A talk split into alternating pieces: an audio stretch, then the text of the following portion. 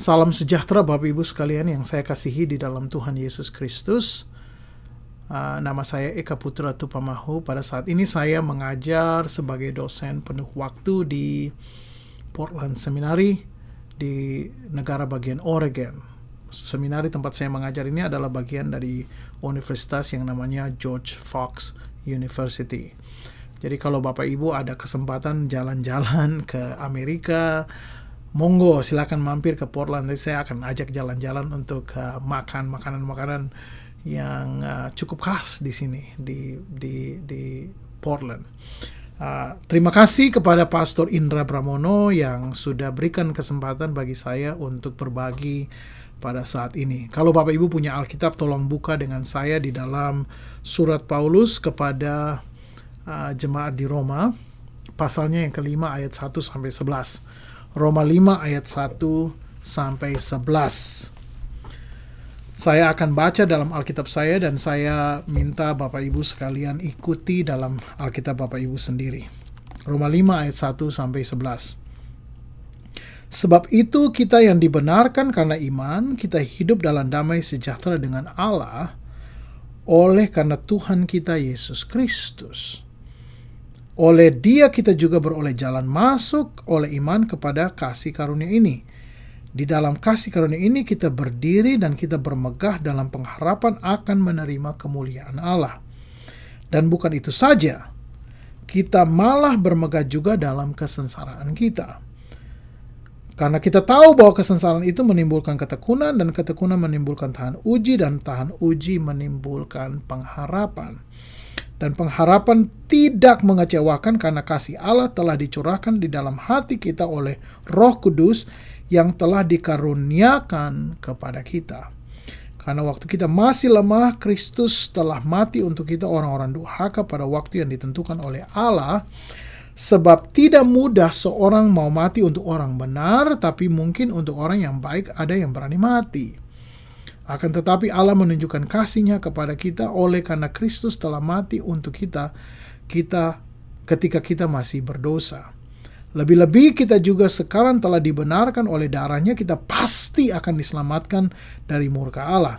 Sebab jikalau kita ketika masih seteru diperdamaikan dengan Allah oleh kematian anaknya, lebih-lebih kita yang sekarang telah diper, diperdamaikan pasti akan diselamatkan oleh hidupnya.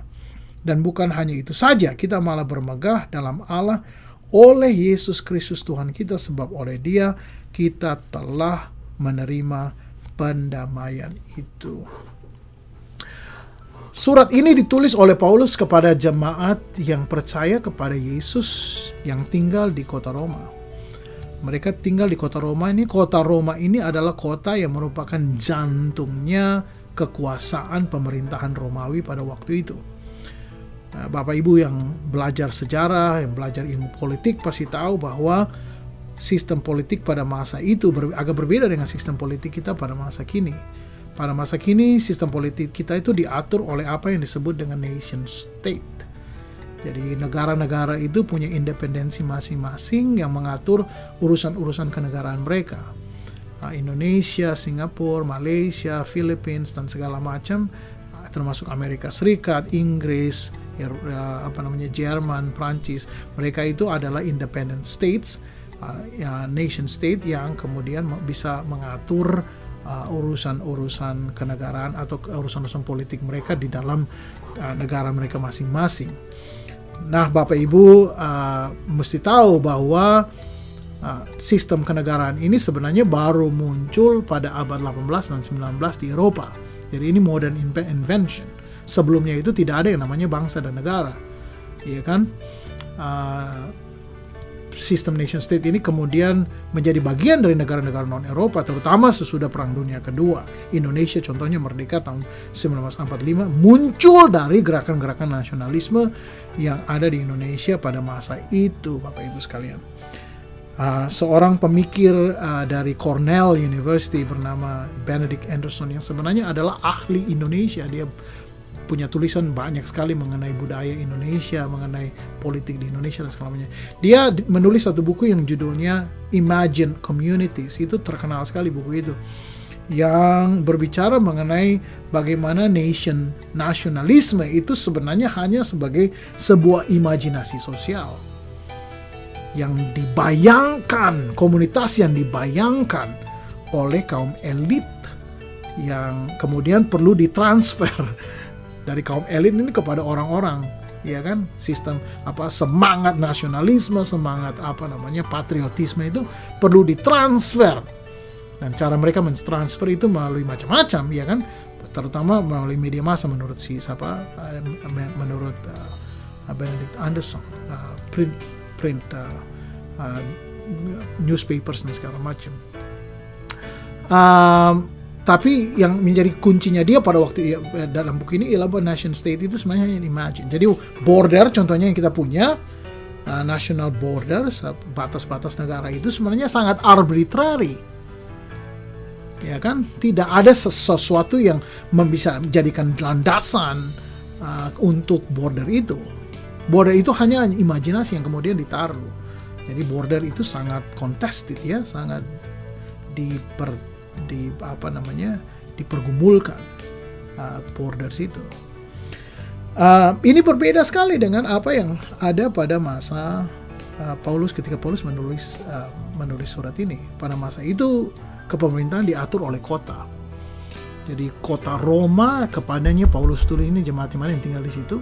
Kota Roma itu sebenarnya kota kecil yang ada di Italia yang kemudian mengekspansi diri mereka gitu Bapak Ibu sekalian mengekspansi diri mereka menjadi sebuah kekaisaran, sebuah empire.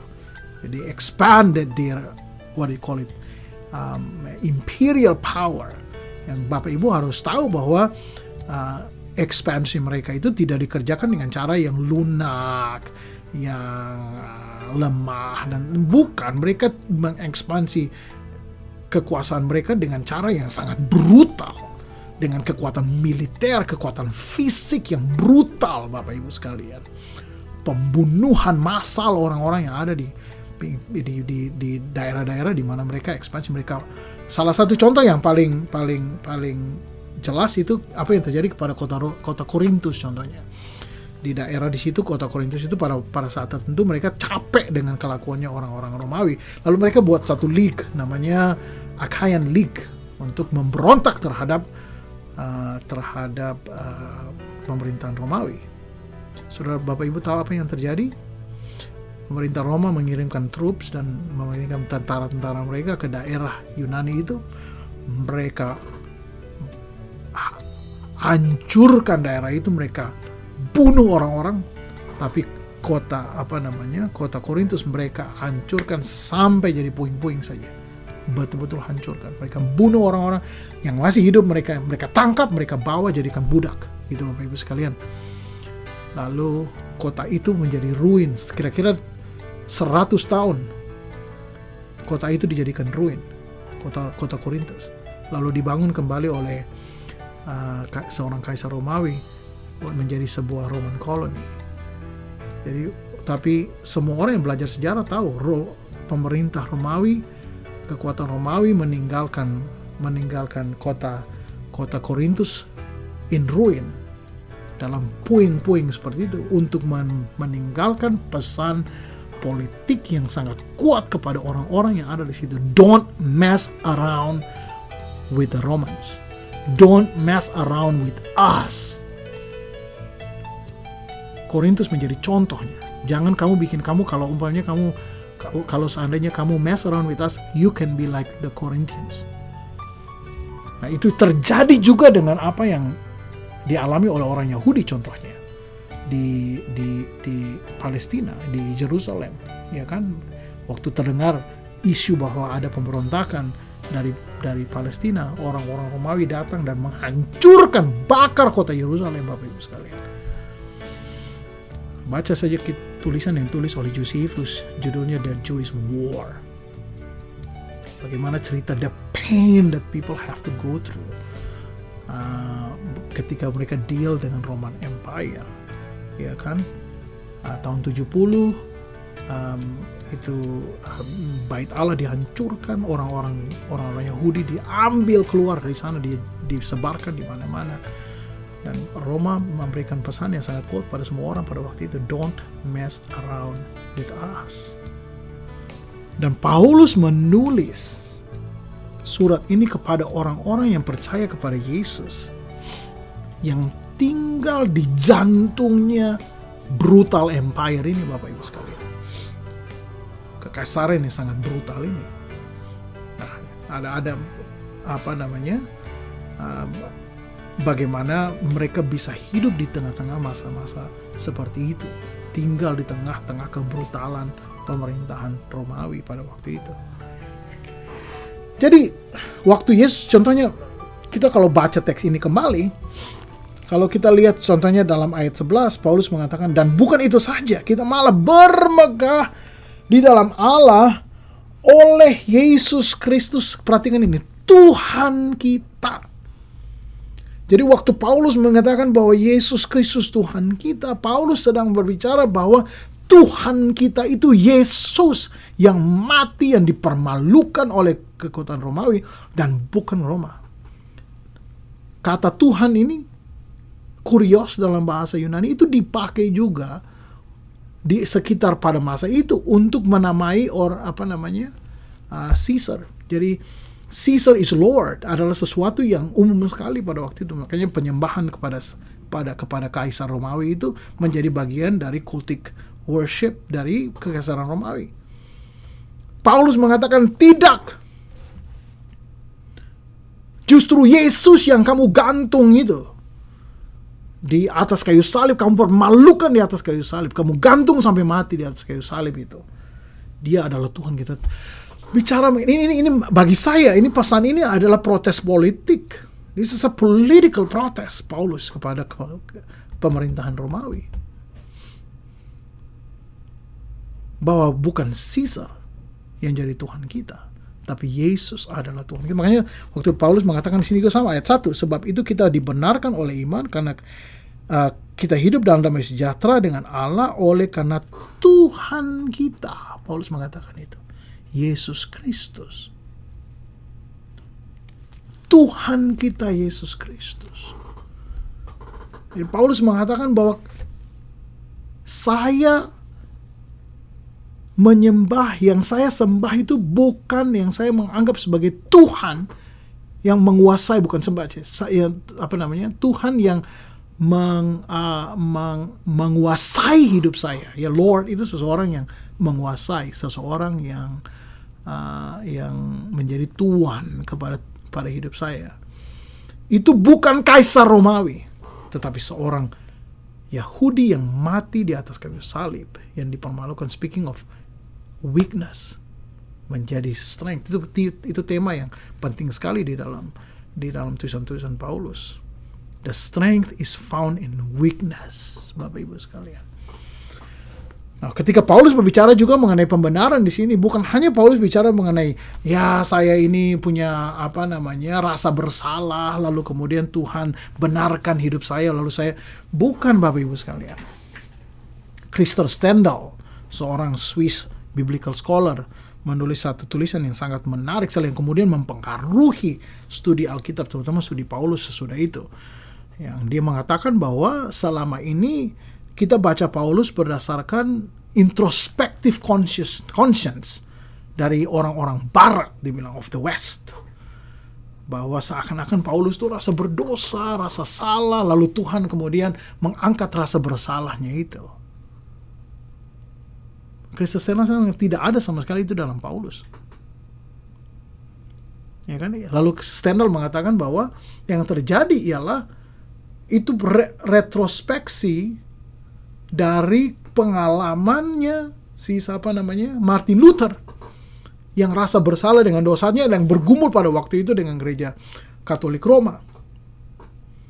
Lalu kemudian cara Martin Luther bergumul dengan dosanya, berasa bersalah dengan dosanya itu diproyeksi seakan Paulus seakan-akan Paulus juga mengalami hal yang sama.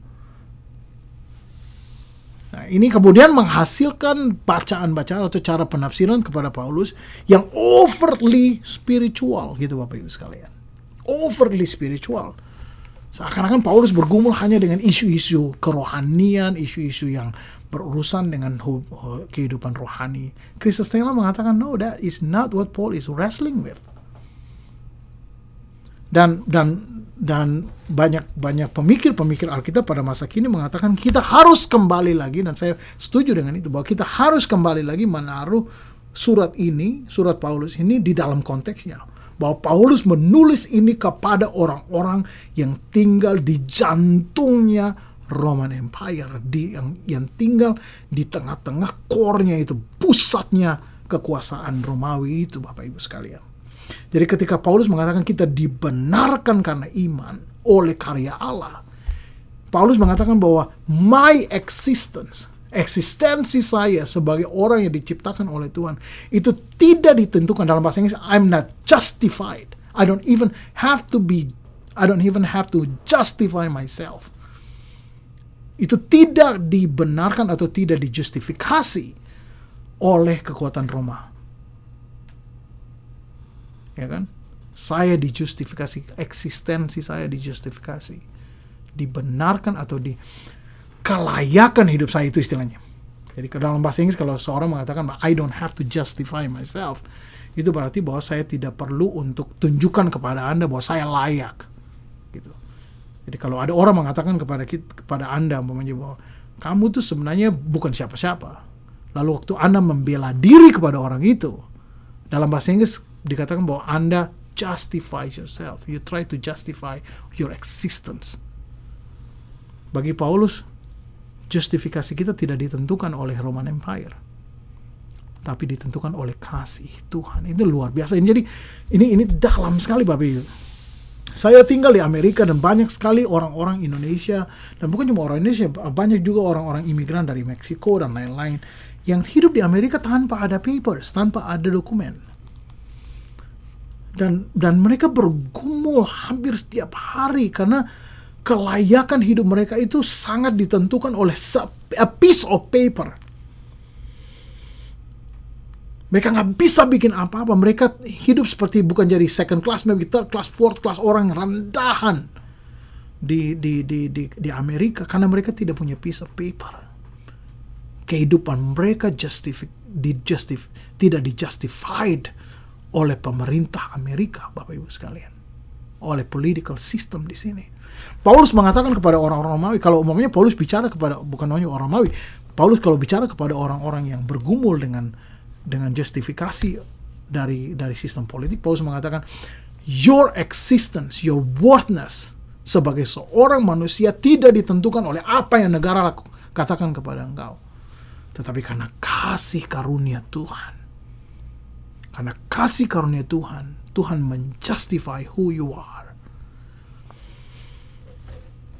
Nah, ini bukan cuma pergumulan orang-orang yang tidak punya paper di Amerika, tapi juga hampir semua orang punya pergumulan yang sama.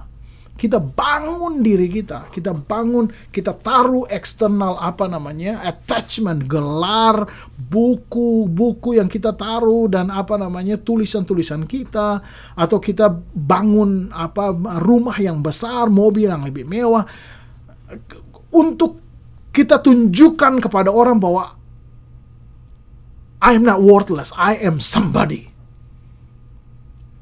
Itu dalam bahasa Inggris sebenarnya yang kita sedang lakukan itu.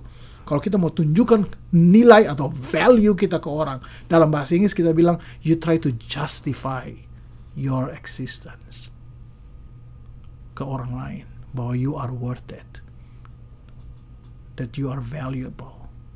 Dan Paulus mengatakan bahwa no, you don't have to you don't have to build your value and your worth on those external stuff. You don't have to build your value and your worth. You don't have to justify yourself on the basis of how much money you have in the bank, of how big your house is. Sehingga ketika orang-orang yang tidak punya semua itu kita anggap rendah mereka. Paulus mengatakan, no, the basis of your of your value of your worth as a human being is on the love of God. Wah ini powerful sekali Bapak Ibu sekalian. Ini luar biasa. Artinya bahwa kalau kita kalau kita pikirkan mengenai ini, kita sebenarnya masuk di dunia ini telanjang. Kita nggak punya apa-apa. Lalu kemudian kita baru pakai baju, kita taruh baju yang lebih baik. Tapi kita masuk di dunia ini nggak punya apa-apa. Dalam keadaan yang sangat vulnerable itu, dalam keadaan yang sangat lemah itu, dalam keadaan yang telanjang nggak punya apa, tanpa ada attachment dan atribut-atribut, tidak ada PhD, tidak ada gelar dosen, tidak ada, ada gelar direktur apa, tidak ada gelar apa pun yang attach kita yang memberikan value kepada kita. Paulus mengatakan Tuhan sudah mengasihi kita. Tuhan sudah mengasihi kita. Sebab itu kita dibenarkan karena iman. Kita hidup dalam damai sejahtera dengan Allah. Karena oleh karena Tuhan kita Yesus Kristus. Di Amerika belakangan ini ada protes besar-besaran Bapak Ibu sekalian. Karena orang-orang kulit hitam diperlakukan dengan cara yang sangat brutal. Uh, video-video uh, yang yang yang muncul belakangan menunjukkan bahwa perasaan orang-orang yang ada di kalangan orang kulit hitam itu sesuatu yang yang yang yang yang benar-benar terjadi. Tapi selama ini karena tidak ada video rekaman dan segala macam jadi orang tidak bisa lihat. Sekarang orang bisa lihat semua. Jadi kematian George Floyd yang ada di uh, di Minnesota beberapa waktu yang lalu seperti mengingatkan semua orang bagaimana kelompok kulit hitam diperlakukan dengan cara yang sangat brutal di Amerika. Kepalanya lehernya itu diinjak Bapak Ibu sekalian sama polisi sembilan menit. Dia sudah teriak-teriak saya nggak bisa dia bilang begitu I can't breathe saya nggak bisa bernafas. Lalu dia panggil nama mamanya mama mama I can't breathe. Kira-kira hampir 9 menit diinjak begitu Bapak Ibu sekalian waktu diangkat ternyata dia tidak punya pulse lagi dia sudah meninggal dunia polisi tidak lepaskan kakinya dari lehernya George Floyd. Waktu waktu orang-orang Amerika melihat ini, terutama orang-orang dari kelompok kulit hitam, itu seperti historical trauma of lynching. Itu muncul lagi Bapak Ibu sekalian. Bahwa mereka diperlakukan dengan cara yang sangat tidak manusiawi, sangat tidak adil, sangat tidak benar oleh kaum dominan di sini di Amerika. Tahun 40-an, 50-an, 30-an, waktu masih jam, masa Jim Crow itu Bapak Ibu sekalian, orang-orang hitam digantung di pohon-pohon, digantung di leher, di, digantung di pohon begitu, dibakar, dibantung di pohon. Dan dan lebih parah lagi Bapak Ibu, itu mereka diambil fotonya, difotoin, lalu dibikin apa namanya, dibikin orang putih bikin foto orang digantung itu orang yang dilinci itu jadikan kartu kartu kartu pos luar biasa. Jadi apa, apa uh, Profesor James Cohn dari dari uh, dari apa namanya uh, Union Theological Seminary menulis satu buku yang sangat sangat dalam mengenai hal ini berbicara mengenai the cross and the lynching tree. Bagaimana cross itu sebenarnya mirip sekali dengan dengan tergantungnya orang-orang hitam di pohon-pohon yang ada di Amerika ini Bapak Ibu sekalian. Dan mereka berjuang karena mereka tidak diperlakukan dengan tidak adil. Dan mereka mengatakan bahwa hidup kami itu layak dan berharga. Bukan karena kulit kami hitam. Makanya slogan-slogan yang mereka umumkan pada saat itu, Black Lives Matter bahwa black lives itu matter in spite of the darkness of the skins. Karena attachment dari luar ini diperlakukan dengan cara yang dianggap sebagai tempat, dianggap sebagai sesuatu yang tidak tidak layak gitu.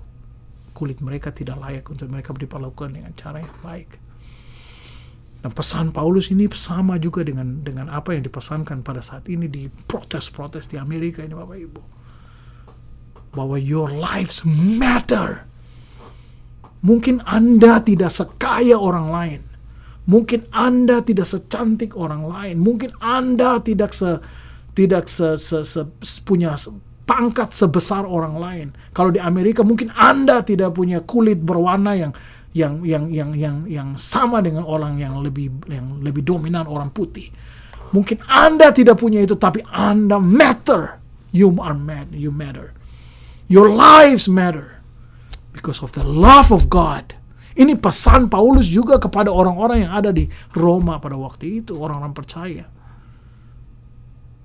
Your, your the worth of your life, your worth, your value tidak ditentukan oleh apa yang disampaikan oleh orang Romawi, surat kenegaraan orang Romawi, surat citizenship orang Romawi. Tapi ditentukan oleh kasih Allah.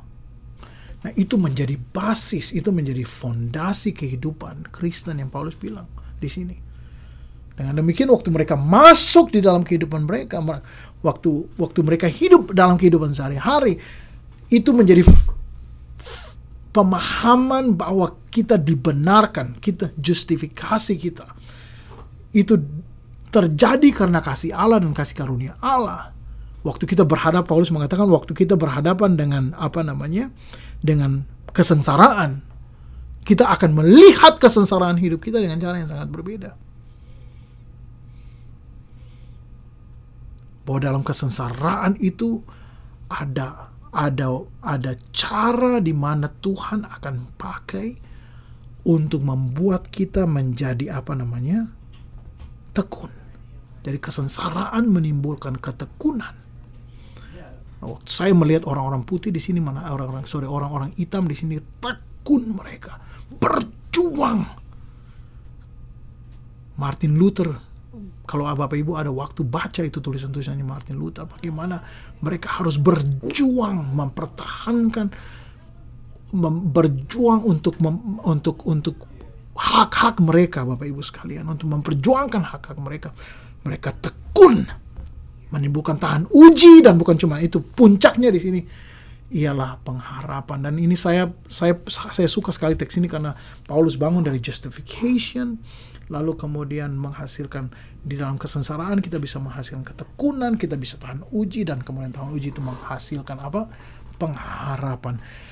Pengharapan itu berarti sesuatu yang kita look forward to. Iya kan? Ada sesuatu yang memberikan memberikan apa namanya? Memberikan reason for us to live another day. Nah, saya tidak tahu apa yang Bapak Ibu sedang hadapi pada saat ini. Mungkin Bapak Ibu tidak hadapi masa seperti orang-orang Kristen yang hidup di Roma pada waktu itu.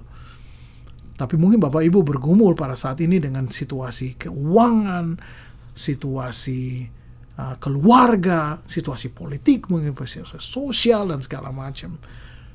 Saya mau ingatkan kita bahwa your worth, our worth, our value is justified oleh kasih Tuhan. Bahwa Tuhan mengasihi kita itu menjadi fondasi eksistensi kita. Keberadaan kita itu karena kasih Tuhan bukan karena ada orang yang bilang bukan karena attachment attachment yang kita taruh tetapi karena kasih Tuhan dari situ kita bisa bertahan dalam kesengsaraan kita dan itu pun menjadi sumber di mana kita bisa punya pengharapan kita punya hope kita punya hope dalam hidup kita. Mungkin pada saat ini anda sudah kehilangan pengharapan. You don't see anything you don't see any way out anymore. Ya kan? Maybe you cannot see any any solution anymore to the situation, the, the suffering that, are, that you're going through. Tapi saya mau bilang buat kita pada saat ini bahwa Tuhan mampu untuk buka jalan. Oleh kasihnya kita hidup. Oleh kasihnya kita berada. Dan oleh kasihnya juga kita punya pengharapan. Ayat 5 mengatakan apa? dan pengharapan tidak mengecewakan. Saya suka sekali itu pengharapan tidak mengecewakan karena kasih Allah. Saya mau tutup renungan saya pada hari ini dengan sebuah cerita. Waktu saya datang dari Amerika ke sini, saya datang dengan beasiswa penuh yang saya terima dari Claremont School of Theology. Saya studi dari tahun 2009, 2010, 2011 Waktu saya wisuda bulan Mei 2011 ada perayaan yang luar biasa teman-teman datang rayakan dengan saya. Oh luar biasa. But the next month after that saya tidak punya beasiswa lagi Bapak Ibu sekalian. Uang berhenti, tidak ada sama sekali pemasukan untuk keluarga saya dan saya tinggal di California yang salah satu tempat paling mahal untuk tinggal di Amerika. Dan saya tidak punya pemasukan apa pun pada waktu itu. Itu masa-masa bulan Juni, Juli pada tahun 2011 itu masa paling gelap di dalam kehidupan saya di Amerika tidak punya apa-apa. Saya masih ingat waktu itu kalau saya hanya bisa beli McDonald. Jadi di Amerika ini McDonald itu makanan apa namanya uh, seperti warung-warung ya tidak terlalu mewah di Amerika. Jadi kalau saya bisa beli McDonald untuk anak saya, itu saya bangganya luar biasa. Saya seperti mulai kehilangan pengharapan sudah satu bulan lewat, dua bulan lewat tidak ada sama sekali solusi. Saya bilang, Tuhan, istri saya sedang hamil pada waktu anak kedua. Saya bilang, Tuhan ini apa yang terjadi? Saya tidak punya sama sekali tidak terlihat dalam jalan keluar hampir tidak kelihatan sama sekali. Di dalam masa-masa yang sangat gelap seperti itu, tiba-tiba saya terima satu email dari seorang mahasiswa, eh, bukan mahasiswa, seorang remaja yang dulu saya doakan dia di di di Malang untuk pergi ke medical school. Dia sekarang sudah jadi dokter. Dia bilang, Pak Eka, how are you? Dia cuma kirim pesan begitu loh. Saya bilang, oh everything is fine. Ya waktu orang tanya how are you, kita tidak langsung curhat semua begitu kan. Ya, saya bilang, oke. Okay. Saya bilang begitu. Lalu dia balas email dan dia bilang, Pak Eka, I don't know why, but last night waktu saya berdoa, Tuhan ingatkan saya untuk doakan Pak Eka. Keluarga. Dan saya tidak tahu kenapa. Waktu saya lihat email itu, orang ini dari Indonesia bermiles-mile, berkilo-kilometer jauhnya dari saya. Kirim pesan itu kepada saya. Saya panggil istri saya dan saya bilang, lihat ini email. Itu seperti pesan yang Tuhan berikan kepada saya bahwa di dalam masa yang gelap kesengsaraan ini, masih ada pengharapan bahwa Tuhan memelihara saya. Tuhan mem menjaga dan memelihara saya dan keluarga saya. It was hard time. It was really hard. Tetapi pengharapan itu membuat sehingga saya bisa bertahan di tengah-tengah masa-masa itu. Day by day, fighting saya lihat kembali sudah berapa tahun saya lewati Tuhan pelihara saya setiap hari. Sekarang saya jadi dosen di di sini menjadi seorang uh, profesor, asisten profesor di sekolah ini. Semua itu hanya karena kasih karunia Tuhan. Dan saya tidak tahu, saya tidak tahu apa yang Bapak Ibu sedang alami pada saat ini. Mungkin Bapak Ibu ada dalam situasi di mana you feel hopeless. You feel there's no hope anymore. Dan saya mau katakan kepada Bapak Ibu sekalian sekarang ini, um, if you're still, if you're in that situation, that God is the reason why you are there. God knows you. Your value is not determined on what other people say about you. It doesn't. It's not determined by how much money you have in the bank. It's not determined by how fancy your car or your vehicle is how fancy or how big your house is. It's not determined by the skin, the color of your skin. Di Amerika itu menjadi masalah sangat besar. But it's determined God justifies you. Justifies you, values you, give you values. Because God loves you. Karena Tuhan mengasihi Anda. Dan saya berdoa supaya Anda akan tetap bertahan di sana. Dan Tuhan membentuk karakter Anda menjadi orang yang tekun dan orang yang tahan uji. Yang kemudian menghasilkan pengharapan dalam hidup Anda. Dan ketika Anda melihat kembali hidup Anda, Anda mengatakan bahwa, wow, God is good. Tuhan itu baik. Oke, okay. saya akan berdoa kepada Bapak Ibu sekalian. Kiranya Tuhan akan tolong kita semua Tuhan memegang tangan kita dan Tuhan memelihara kita setiap hari. Amin. Amin.